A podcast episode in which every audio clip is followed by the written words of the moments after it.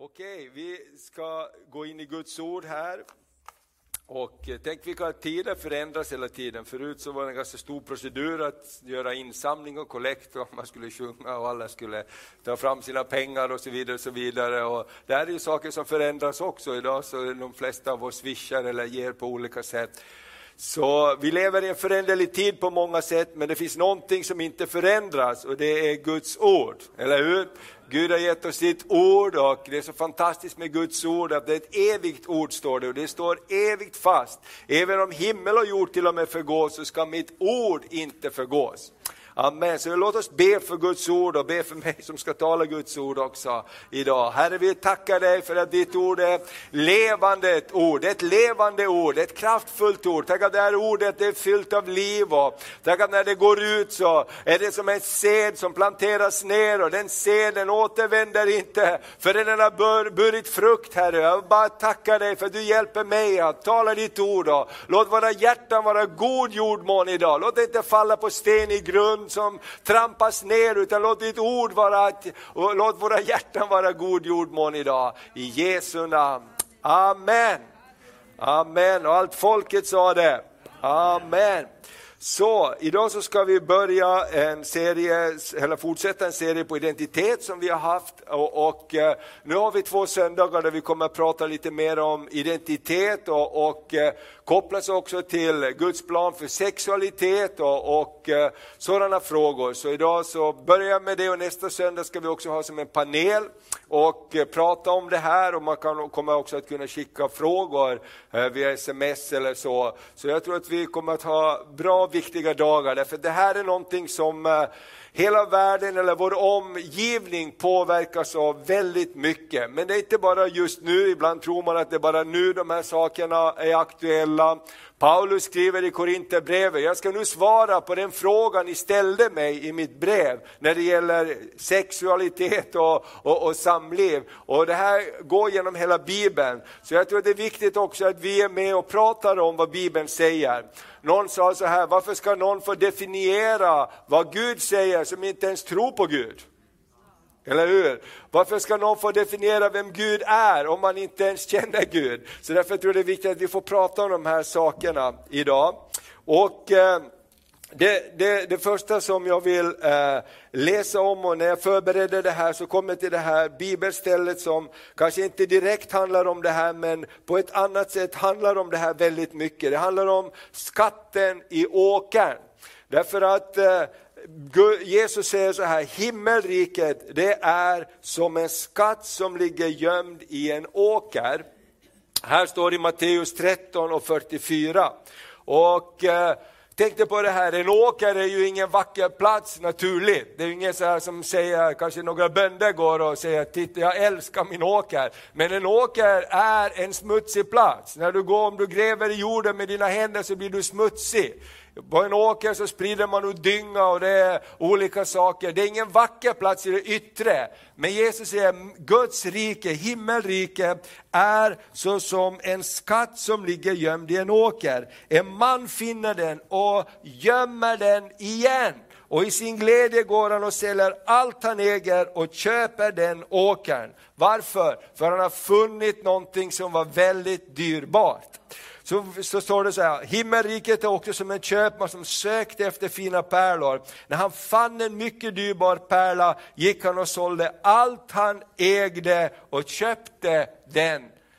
Och jag tänker så här, ibland så tappar vi fokus. Det kanske ser ut som om det bara är en åker, det kanske ser ut som om det inte är så mycket, men det finns en skatt som är nedgrävd som vi behöver finna. Och det är också så att vi blir påverkade av vår samtid, det som händer runt omkring oss, det som var naturligt igår, eh, eh, eh och, eller onaturligt igår, det kanske är naturligt idag. Och tiden förändras, men därför måste vi tänka så här, tänk att vi får återupptäcka någonting. Och idag så är min bön och önskan när vi pratar om det här vi ska prata, att vi ska få återupptäcka någonting som Gud säger. Vi ska få återupptäcka en skatt. Och då blir den skatten mycket viktigare än de andra sakerna. Det blir så viktigt så jag är beredd att betala ett pris för att få tag på den skatten.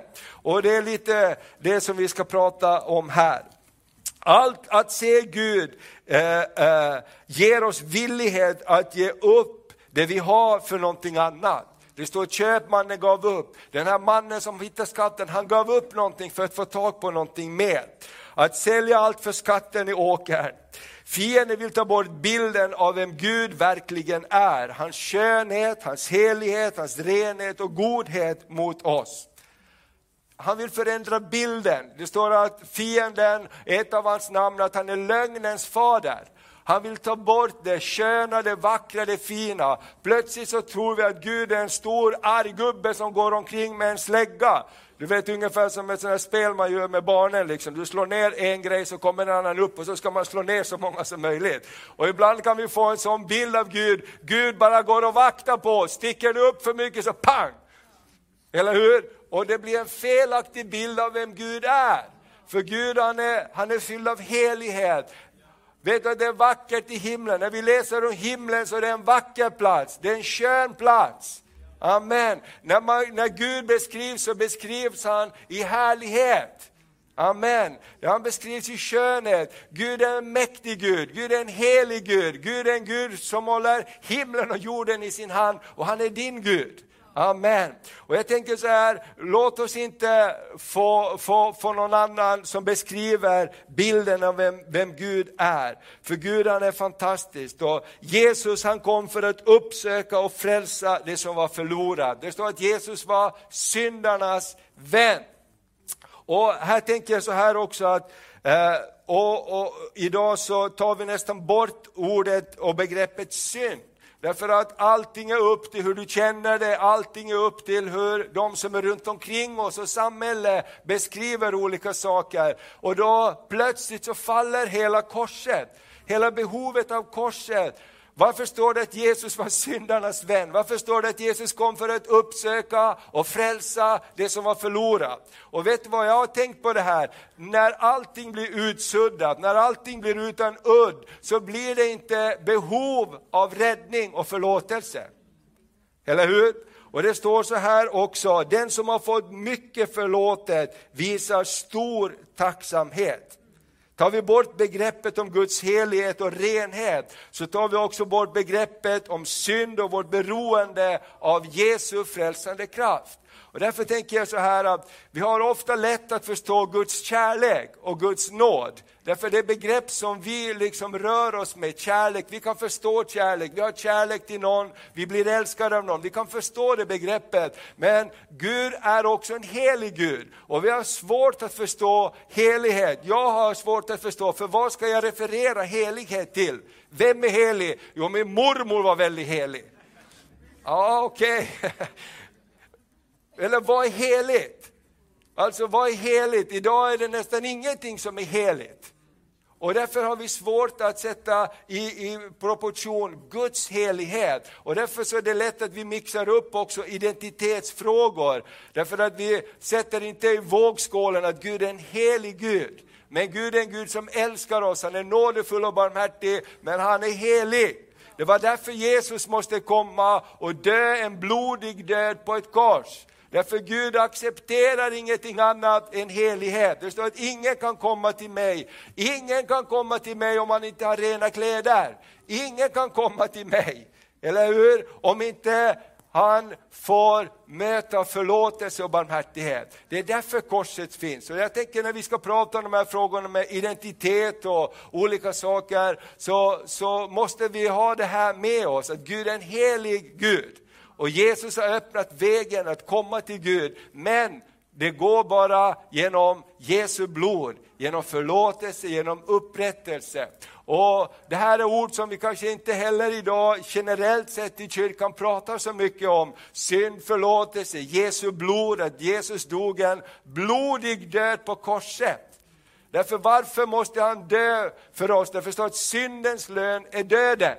Varför kan vi bli befriade från synd? Det var så härligt att höra från Piteå. Jag fick meddelande från prästen i kyrkan i, i, i Piteå. Han sa, nu ska jag gå, idag skrev han, nu ska jag gå till kyrkan och berätta om allt härligt som hände igår. Och jag tänker, det är människor kan få förlåtelse. Eller hur? Människor ska få upprättelse därför att Jesus dog en blodig död på korset. Han tog mitt straff på sig. Och det här är liksom grunden också när vi pratar om de här sakerna, Gud är en helig Gud. Och eh, därför så behöver vi gå tillbaka och se Guds bild av vem du och jag är skapade till. Vi är skapade till Guds avbilder. Kan du vända dig till din granne och säga, du är, du är en lyckad skapelse. Amen. Du är mycket lyckad. Därför du är skapad till Guds avbild. Amen. Och då kan vi titta i Moseböckerna, vi ska titta i första Moseboken, det första kapitlet och gå tillbaks till grunden. Vad, vad är tanken? Hur har Gud tänkt det? Jo, Gud har skapat oss till sina avbilder. Och I första Moseboken, det eh, eh, första kapitlet och vers 26 och 27 så, så kan vi läsa lite grann om Guds plan för oss. Vad Gud har skapat oss till. Och så står det så här i vers 26 och 27. Gud sa, låt oss göra människor till vår avbild, lika oss. Därför är varje människa unik. Därför finns det någonting dyrbart i varje, varenda människa finns det någonting dyrbart. Därför Gud har skapat oss till sin avbild. De ska råda över havets fiskar och himlens fåglar, över boskapsdjuren, hela jorden och alla kräldjur som rör sig på jorden. Och Gud skapade till människan till sin avbild. Till Guds avbild skapade han henne. Till man och kvinna skapade han dem. Det är Guds avbild och när vi ruckar på Guds avbild så blir det fel. När vi tar Guds plats och säger Gud, du visste ganska bra men jag vet lite bättre, så blir det inget bra. Eller hur? Därför Gud har skapat oss till sin avbild. Och han sa till man och kvinna skapa er, föröka er och uppfyll jorden. Och ingen av oss sitter här idag om inte det var så att en man och kvinna kom tillsammans. Hur den gick till, så ingen levande varelse på jorden idag har kommit till utan att en man, ett hankön eller ett honkön har kommit tillsammans. Och det skapar liv. Och, och, när man försöker rubba på de sakerna så blir det fel. Och därför Gud är en helig Gud och därför vill jag börja med det att Gud är en helig Gud. Vi kan inte ändra på Gud, eller hur? Utan vi måste hitta en väg att förstå Guds väg så vi kan ändra oss efter hans bild. Och då kommer hans välsignelse också. Så om vi tittar på nästa eh, bibelvers där i nästa kapitel, första Moseboken 2, 24-25 så står det så här. Därför ska en man lämna sin far och sin mor det är Guds institution. Det här är den första institutionen som Gud etablerade på jorden. Det var äktenskapet mellan en man och en kvinna, det var familjen. Därför ska en man lämna sin far och mor och hålla sig till sin hustru. Och de två ska bli ett kött. Och mannen och hans hustru var båda nakna utan att vara blyga för varandra. Amen.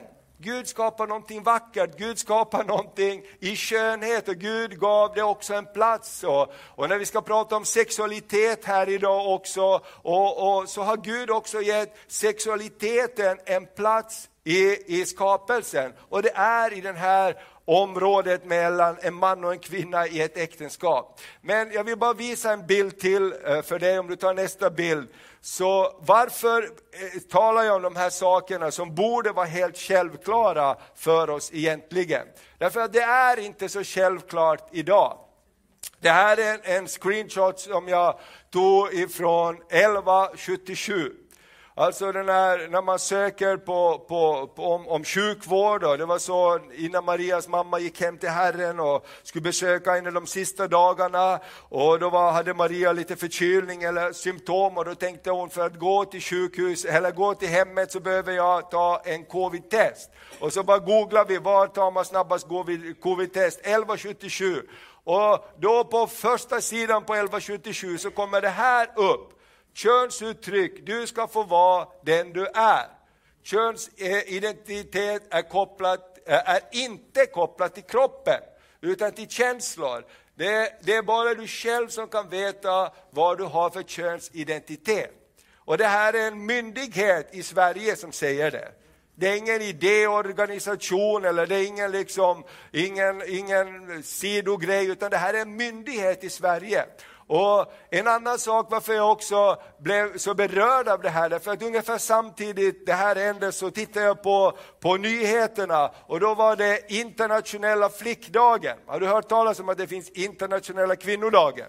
Eller hur? Men det finns internationella flickdagen också, därför man vill belysa och lyfta upp flickornas situation i världen. Och då var det en tjej som satt där som jobbar med det här i Sverige och hon säger så här att eh, eh det här är jätteviktigt att vi stöttar flickor, för att flickor idag, de mår jättedåligt. Eh, Sverige har aldrig mått bättre ekonomiskt, vi har ett högt välstånd, men den psykiska ohälsan ökar ungefär i samma takt som vårt välstånd ökar. Och det här är någonting konstigt. Och så säger hon så här att när vi har gjort undersökningar så säger man att ungefär 90 procent av alla unga flickor de söker sin, eh, sina uppgifter på nätet. De söker svar på känsliga frågor som de inte riktigt vill prata om, som sexualitet, identitet, om mens och alla möjliga sådana saker som man kanske inte pratar så lätt om. Det söker man på nätet. Och så sa hon, det är ju en sak, men det, det svåra, sa den här tjejen, det är att det finns ingen urskiljning på nätet. Det finns ingen, ingen källgrann kritik. Unga människor idag har inte lärt sig källkritik. Hon sa, det var först på gymnasiet, sa den här flickan. När jag gick på gymnasiet så hade vi en lärare som lärde oss att vad källkritik är. Du måste söka flera källor, du måste söka vad ligger bakom det här. Och hon sa, hon sa att här, då blir det helt förödande. Därför flickor kan söka, och människor, vi allihop kan söka vad som helst på nätet. Jag tänker bara gå in på den där, om man går in på 1177 som man är en myndighetssida och så får man läsa, det är bara du själv som kan bestämma vilket kön du har. Ingen annan kan göra det. Snacka om förvirring. Och det här blir ju inget bra, därför då går vi bort ifrån det Gud har ämnat och skapat oss till. Och jag tänker så här, vi behöver prata om de här sakerna, därför Gud han har en god plan för alla människor. Gud är en dyr, han, han har dyrbara skatter som han har gett oss. Guds rike är som skatten i åkern, eller hur? Som är värd att sälja allt för, för att få tag på den. Därför att den är så dyrbar, det är så bra, det gör någonting bra med våra liv. Och, och, Jag tänker de här sakerna när det gäller identitet också, så, så tror jag att det är viktigt att vi bara säger någonting om. Och eh, vi kan ta nästa bild också, därför att Jesus han säger någonting om de här, den här frågan också. Uh, och därför blir det så konstigt ibland, därför att all, all diskussion handlar om hur vi känner för olika saker. Uh, I Markus, det, det, det tionde kapitlet, så står det så här, det är Jesus som, som bekräftar det här. Eh, några, Markus 10, vers 2 till 9. Markus 10, vers 2 till 9. Några fariseer kom fram för att pröva honom och frågade honom, får en man skilja sig från sin hustru? Han svarade, vad har Mose befallt er? De sa, Mose har tillåtit att mannen skriver ett skilsmässobrev och skiljer sig. Då sa Jesus till dem, det var för att era hjärtan är så hårda som han gav er den föreskriften. Men från skapelsens början gjorde Gud dem till man och kvinna. Därför ska en man lämna sin far och mor och hålla sig till sin hustru och de två ska bli ett kött. Så ska det inte längre vara två utan ett kött. Vad Gud har fogat samman ska människan alltså inte skilja åt. Alltså Gud har en tanke med det här, Gud har en plan med det här och Jesus som är upphovet till varför vi sitter här idag. Jesus som är upphovet till den kristna kyrkan, han är vår frälsning. Och därför tänker jag så här, det är ganska viktigt att höra vad Jesus tycker om den här saken.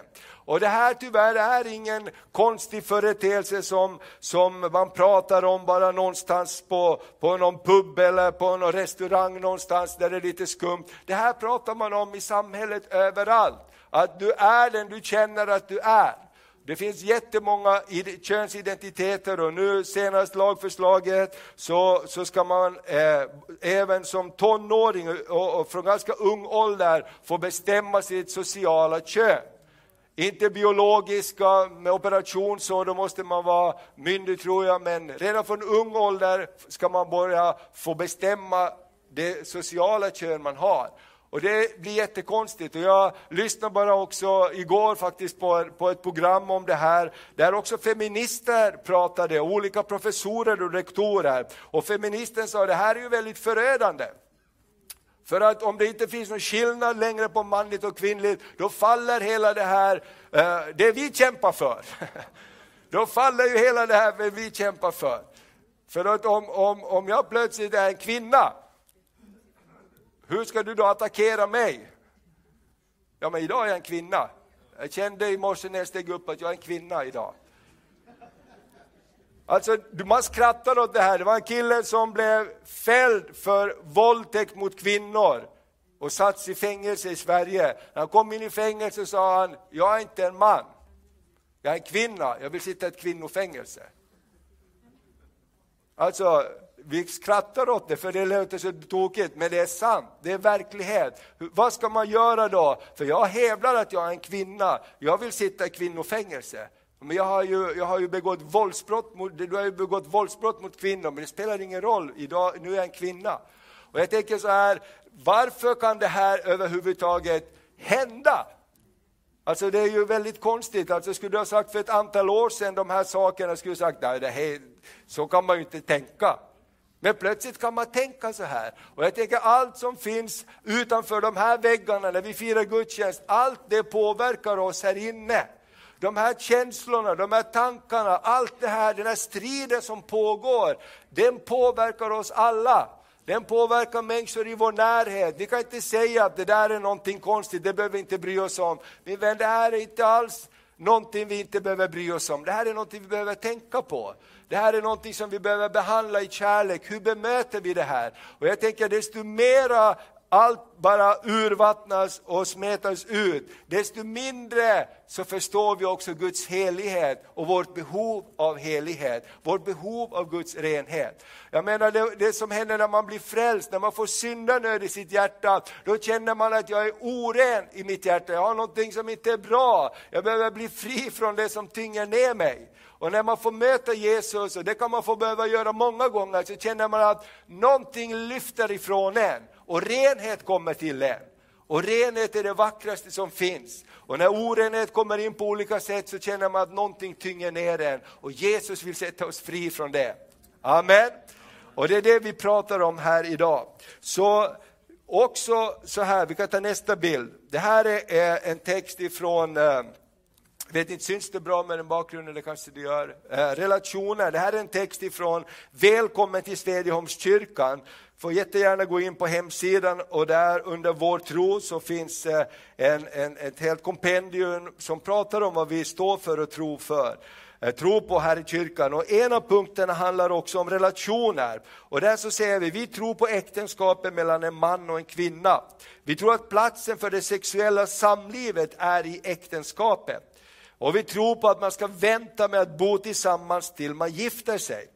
Alla de här bibelorden här bekräftar de synpunkterna och ståndpunkterna som kristna kyrkan har haft i alla tider. Och Paulus pratar om det här och, och, och, de nya församlingarna som Paulus är med och reser upp, de pratar mycket om de här. Läs i Korinthierbrevet får du se vilken stor oreda det är på det sexuella området. Och Paulus han säger, det är ju helt fel ni håller på med, jag läser att det begås otukt hit och dit. Så får det inte vara i Guds församling. Därför att det finns en renhet, det finns en ordning i det här. Och läs gärna första Korinthierbrevet kapitel 7. För det är ganska intressant, levande bibeln säger, jag ska, Paulus säger, jag ska nu försöka förklara för er det ni ställde en fråga om i ert brev till mig. Och då beskriver han och börjar prata om sexualitet och platsen för den, det är i äktenskapet. Och faktiskt är det så att i Bibeln så finns det ingenstans där Gud bekräftar och tycker att det är bra med sexuella förbindelser utanför äktenskapet. den enda platsen Gud bekräftar den sexuella gemenskapen, det är i äktenskapet mellan en man och en kvinna. Därför där finns det ett beskydd i den, där finns det en relation som också, om det är någonting som blir tokigt så finns det möjlighet att reparera och där kan kärleken växa, där kan den sexuella gemenskapen växa. Och eh, det står så här, jag vill också att vi ska läsa en till bibelvers. Galaterbrevet kapitel 6 och 1. Därför att någonting som vi också behöver prata om när det är det här, det är upprättelse och förlåtelse. Därför att det är lätt, och det har kyrkan och det har vi gjort fel, det är lätt att säga så här ska du göra, så här ska du göra, så här ska du göra. Men alla vet vi att det inte är lätt att vara människa. Hur många har syndat två gånger? Eller hur? Ingen av oss skulle vilja göra det, men vi har gjort fel. Eller hur? Det är inte lätt att vara människa. Och om vi då bara i kyrkan säger så här är det, så här är det, så här är det, och vi inte säger vad händer om det blir fel? Så är vi ingen utväg, vi är ingen nåd.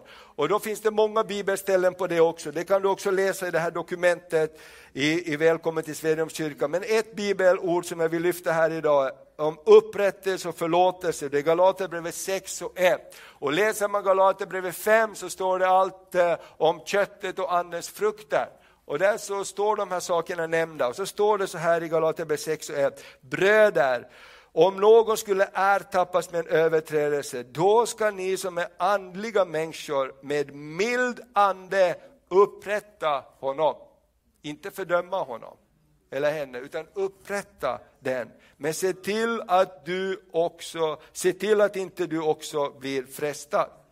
Därför Gud har lagt ner en längtan och en drivkraft i oss människor, även på det sexuella området. Och ett begär som i rätt miljö är någonting vackert och positivt, men samma begär i fel miljö blir någonting negativt och synd. Och jag tänker det här är viktigt att vi pratar också om, därför Gud har skapat oss med känslor, med längtan, med sexualitet. Det är ju därför två människor så träffar varandra och det uppstår tycke. Och det här är ju så också att, att därför ska man inte bara tänker när vi pratar också om manligt och kvinnligt och att det finns, så vi ska prata om nästa gång mera homosexualitet och lesbiskhet och sådana saker. Man får inte låta sig luras av känslor. Om man säger så här, en annan fråga. Uh, nu är många här gifta, men i hela ditt liv, hur många har varit kär i mer än en person? De flesta.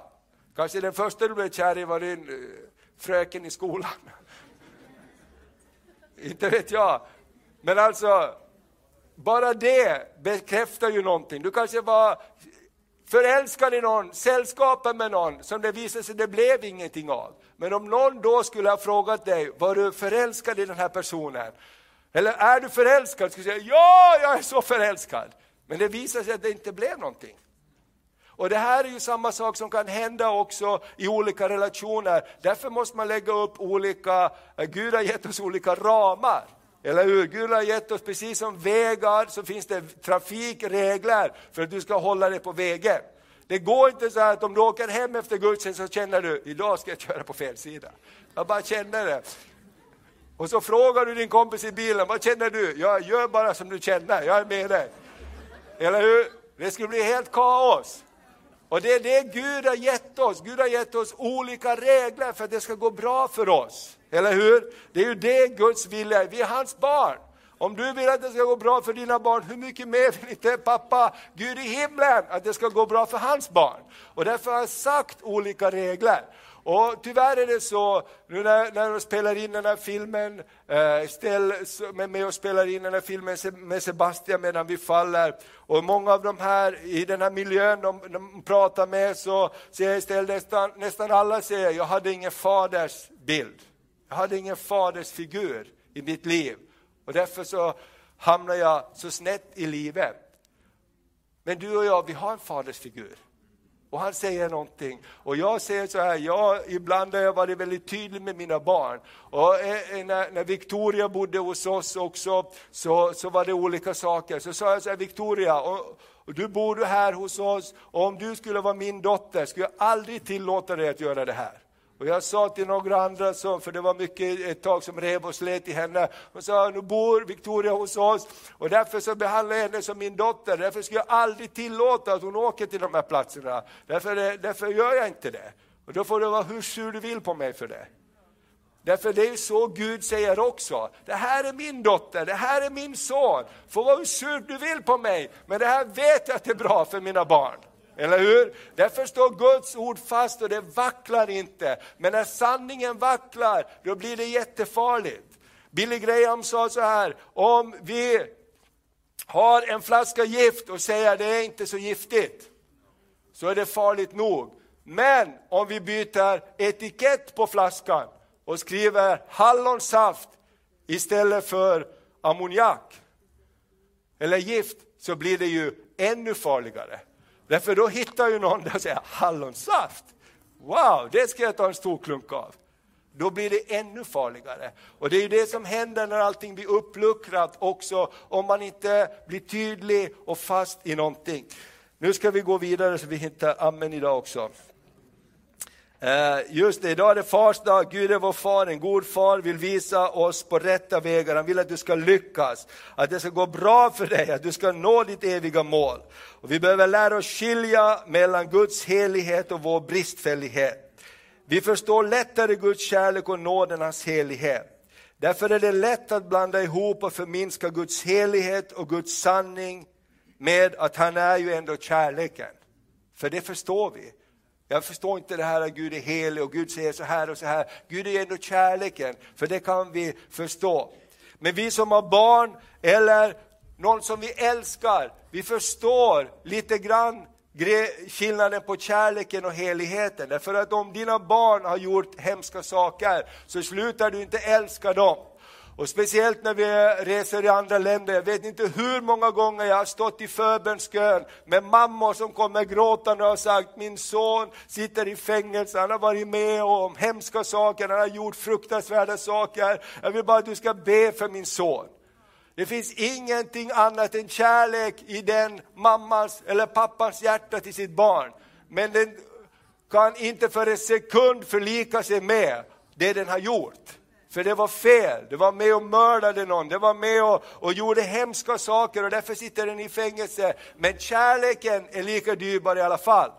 Så är det med Guds kärlek också. Men Jesus, han gjorde anspråk på sanningen. Det var därför människor blev så, så stötta på Jesus. Därför Jesus sa, jag är sanningen. Hallå där. Säg inte så. Jo, Jesus sa, jag är sanningen. Ingen kommer till Fadern utan genom mig. Jag är vägen, sanningen och livet. Ingen kommer till Fadern genom mig. Vi firar nattvard i, torsdags här nere och Jesus säger, det som inte äter av mig eller dricker av mig har ingen del av mig. Och de sa, varför kan du säga så? Många gick bestörta därifrån.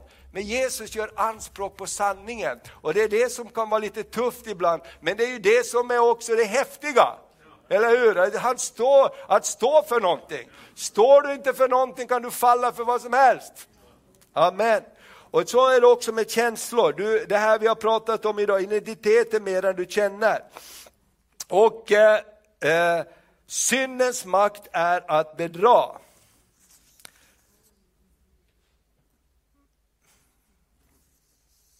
Syndens makt är att bedra. Det är ett bibelord vi ska läsa också. Jag tänker så här, vad är makten i synden? Jo, det är att bedra. Hur är det när du, man blir bedragen? Jo, man tror att någonting är vad det inte är. Tänk på det. Vad, Bibeln säger att syndens makt är att bedra. I Hebreerbrevet eh, 3 och 13. Uppmuntra varandra istället varje dag så länge det heter idag, så att ingen av er förhärdas genom syndens makt att bedra. Vet du vad, du kan bli bekväm med synden, man kan bli bekväm med allt möjligt. Tänk på kung David, han som eh, tog den här, sin, sin medarbetares fru och såg till att Uria, han dog till och med. Han såg till att den här mannen dog därför att han har gjort Baltseba med barn och han blev fylld av lust och kärlek till en främmande kvinna. Men när tiden gick så förhärdades kung Davids hjärta. Och när profeten Natan kom och berättade storyn om den som har gjort så här, så står det att kung David, han blev riktigt arg den som har gjort så, han ska åtminstone straffas. Och profeten säger ingenting, han bara går ut därifrån, men i dörren så svänger han och säger David, den mannen är du. Plötsligt så uppenbaras hans synd. Och där har vi psalm 51 och alla de här, för, och det står att kung David han bryter ihop, han säger det är inte mot människor jag har syndat, jag har syndat mot himmelens Gud, förlåt mig, ta inte den heliga ande ifrån mig. Och han blir så förkrossad för han ser plötsligt att det jag, som kändes så bekvämt och bra, för jag hade makten, det var inte rätt. Och jag, jag, jag, brukar tänka på det på samma sätt, det är lätt att bli bedragen, därför man har hört om den här kokta grodan, eller hur? Som simmar i vattnet i, i kastrullen och det blir bara varmare och varmare och skönare och skönare. Jag tänkte jag ska inte hoppa ur det nu, för det är ju ganska bra. Och till sist så kan inte den gro, kokta grodan hoppa, därför det har blivit för varmt. Och vet du vad, så här är det, jag, jag brukar tänka på det. Jag, jag, ibland så kör jag för fort med bilen inte alltid, någon tror det, men inte alltid. Men ibland på, på vägarna på E4, långa sträckor, man, åh, jag kör, jag, åh, åh, det går så bra, lovsången flödar, bilen är fantastiskt bekväm, och jag åker i 130, helt fantastiskt, det, det går bra nu. Tack Jesus, snart är jag hemma. Förstår någon liknelsen här? Plötsligt så kommer Börje och kör förbi mig. Och jag tänker, otroligt vad han kör fort Börje. Får, får man verkligen köra så fort? Och jag kör för fort själv. Och det här bara, och så bara prisar jag Herren och tackar Gud och plötsligt så ser jag blåljusen i bakspegeln. Jag har varit med om det någon gång. Och plötsligt så förändras hela atmosfären. Det är inget kul att lyssna på lovsång längre. Rop, ja, jag bara stänger av den och så börjar jag be helt andra böner. Gud rädda mig, Gud ge mig nåd. Ja, jag är ju ändå pastor. Men du förstår, fram till den stunden så hade jag inget problem alls. Jag hade inget problem alls, det går jättebra nu. Och jag till och med tyckte att Börje var lite, eh, mycket, fruktansvärt hur han kör. Jag skojar bara med Börje. Men, men du förstår, så där kan det ju vara. Du ser någon som gör ännu värre saker än dig och du tänker, det där är inte alls bra. Men du ser inte, man ser inte sin egen skuld i det. Och därför tänker jag så här att därför behöver vi Guds ord. Och därför vill jag bara ge en liten uppmaning idag. Kanske det vi har blivit bekväma med inte är kompatibelt med Guds helighet. Kanske det som vi har blivit bekväma med för att det finns så mycket av det runt omkring oss. Plötsligt så tror vi att det är sant, plötsligt så tror vi att det är okej. Okay. Men en dag ska vi stå inför tronen. Och Gud pratar om att han fortfarande är en helig Gud. Amen. Så låt oss hålla fast vid värderingar. Gud är en god Gud. Vi börjar tala om att hitta skatten i åkern, att upptäcka någonting, se någonting som är dyrbart och vackert, vara redo att betala ett pris för det. Och jag vill, min bön är att Gud bara ska få uppenbara kärlek till hans ord, till hans helighet. Och utifrån det så kan jag vara beredd att ändra på mina värderingar. För att det står så här i Apostlagärningarna 2 och 42. Dessa höll fast vid apostlarnas lära och undervisning. Och jag brukar tänka på det, när behöver man hålla fast vid någonting? Jo, när det skakar. Eller hur? När det blåser och skakar och allting far, då, då söker man någonting fast att hålla sig vid. Om det här har blivit löst, då är inte det här mycket att hålla fast i. Jag menar, li, eh, Emanuel tycker så här, Josef tycker så här, Judit tycker så här, Maria tycker så här, Elia tycker så här och Anders tycker så här. Vad är det att hålla fast i? Vem, vem, vad ska jag göra? Vi måste få tillbaks respekten för Guds ord och Guds helighet och veta om att han älskar mig. Eller hur? Det står att alla som han älskar tuktar han. Varför då? För att han vill att det ska gå bra för dem. Eller hur? Det finns inte en förälder i den här stan, i så fall borde de få vara föräldrar, som går på stan och släpper sina barn över vägen. Ja, bara spring över ni. Spring över E4 om ni känner för det. Jag har inte sett er mamma, utan de står där och håller sina barn i händerna och säger vänta, vänta, vänta tills bilarna har gått. Nu kan vi gå. Eller hur? Och det är ju samma med Gud också. Och så låt oss bara hålla fast vid Guds godhet. Amen. Och nästa gång så ska vi prata, vi har en bok där ute som heter eh, Gay tjej, God Gud. Och den här boken vill jag verkligen rekommendera, vi har ett specialpris på den och det finns ett swishnummer där. Eh, hon har också skrivit en, en, bok om Guds helhet, den här tjejen som jag, har le, som jag har läst faktiskt nyligen, väldigt bra. Den här tjejen hon eh, växte upp också i en kristen miljö, men kände att eh, hon tyckte om tjejer mer än killar. Och det hon hörde bara var i kyrkan, det var synd och förtappelse och elände och, och, och, det är helt fel. Hon fick aldrig höra och lära känna Guds godhet och kärlek och att vi alla är syndare som behöver nåd. Eller hur? Det står inte liksom att en är värre syndare än en annan, utan vi behöver alla förlåtelse för våra synder. Hon, hon, hon levde i en, i en lesbisk relation, men fick möta Guds kärlek och nåd. Hon beskriver sin resa till Guds nåd och till frälsning. Och idag så är hon äh, gift och har tre eller fyra barn. Och eh, eh, fantastiskt vittnesbörd. Jag bara rekommenderar det här, för det är så lätt att läsa också böcker från någon som vet allting men inte har erfarenheten från resan i det. Och vi kommer att möta många människor som har den här erfarenheten av sexualitet som inte är i överensstämmelse med det vi läser i Bibeln. Men lösningen är inte att vi slänger Bibeln i huvudet på dem. Eller hur? Lösningen är ju att vi hjälper varandra att hitta korset. Hjälper varandra att hitta upprättelsen, Guds goda plan. Det finns en, en välsignad väg. Och därför vill jag bara uppmuntra dig, ta gärna och läs den här boken. Det finns också som ljudbok, om du inte orkar läsa så kan du lyssna på den. För att jag tror så här, vi har en skyldighet att sätta in oss i vad händer runt omkring oss. Det räcker inte med att bara säga det är synd. Och Bibeln säger så här, den som pekar på någon annan, den har själv fel. Därför är det lätt att peka på andras synder och glömma sina egna. Eller hur? Så det funkar inte, det håller inte i längden. Vi behöver visa på vägen till korset tillsammans. Där finns det upprättelse, frälsning, rening, helande för alla områden i livet. Och därför vill jag uppmuntra dig att läsa någonting om det här också. Amen. Okej, okay. gick det bra tycker ni? Okej, okay. det är bra. Tack Jesus. Amen. Så, så, nästa gång fortsätter vi och då ska vi prata lite om, om de här sakerna och då kommer vi ta en liten dialog också. Men låt oss be tillsammans. Och, som sagt var, det här bibelordet kom till mig när jag förberedde om skatten i åkern.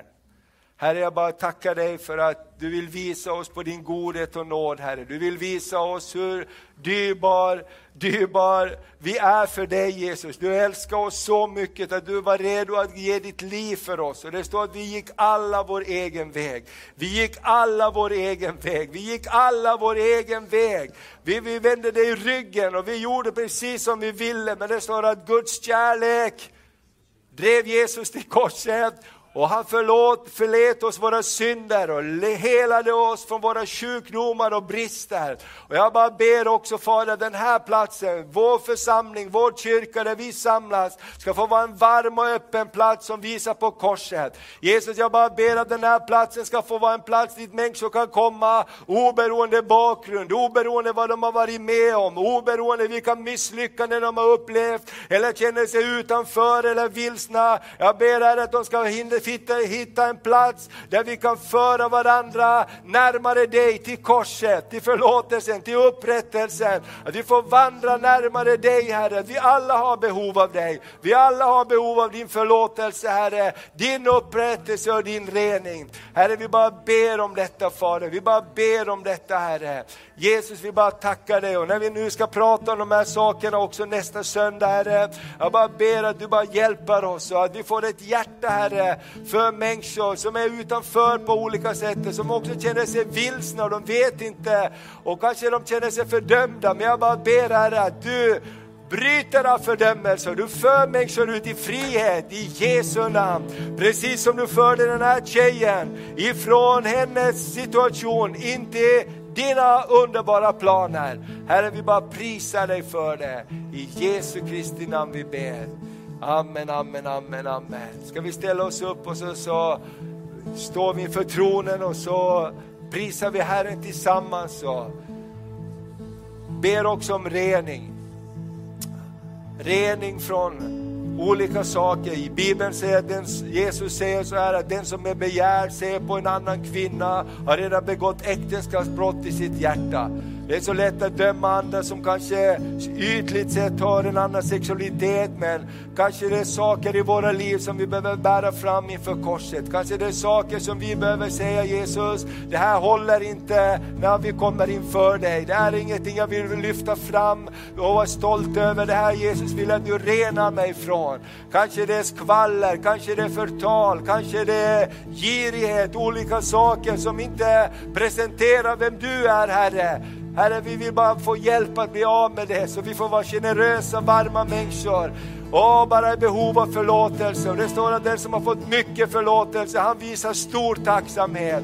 Herre, jag bara ber, rör vid mitt liv Jesus, så jag bara får större tacksamhet för frälsningen, för räddningen Herre, som du har gett oss Herre. I Jesu namn vi ber. Amen, amen, amen. Herre, I lift my hands up, lay my whole life down, my whole life down before you. And I lift my hands up, lay my whole life down, my whole life now is for you. I lift and I lift my hands up, lay my whole life down, my whole life down before you. And I lift my hands up, lay my whole life down. My whole life now is for you. I lift my hands and I lift my hands up, lay my whole life down. My whole life down is for you. And I lift my hands up, lay my whole life down. My whole life is for you. Så vi ger upp allt till dig Jesus. Och vi ger upp allt till dig Jesus. Vi ger upp allt till dig Jesus. Allt som vi är. Oh, vi ger upp allt till dig Jesus. Ger upp allt till dig Jesus. Vi ger upp allt till dig Jesus. Och du är vår kung. Oh, och du är vår kung. Oh, du är vår kung. Åh, halleluja. Vi bara tackar dig Jesus. Du är- vår, vår kung. Tack Herre. Ska vi bara göra en bekännelse tillsammans? Du kan be efter mig om du vill, för jag tror att vi alla här, vi har saker i våra liv som, som inte håller inför tronen. Och det är så lätt för oss att peka finger på andra där vi ser. Men vi behöver också din rening Jesus, vi behöver din nåd. Så vi ber i Jesu namn. Jesus, vi kommer inför dig. Tack för att ditt blod renar från all synd. Tack att du tog min plats när du dog på korset. Jag förtjänade inte, men du gav nåd till mig. du gav räddning till mig. Och jag avsäger mig min syndiga, eh, mina syndliga beskaffenheter. Eller, mina syndiga beskaffenheter, eller min lätthet att göra det som inte är rätt. min lätthet att inte göra det som är lätt. Gör mitt hjärta mera känsligt för dig. Mitt hjärta mera känsligt för dig. Och gör mitt hjärta mera fyllt av kärlek till dig Gör mitt hjärta mera kärlek till dig och till andra människor. andra människor.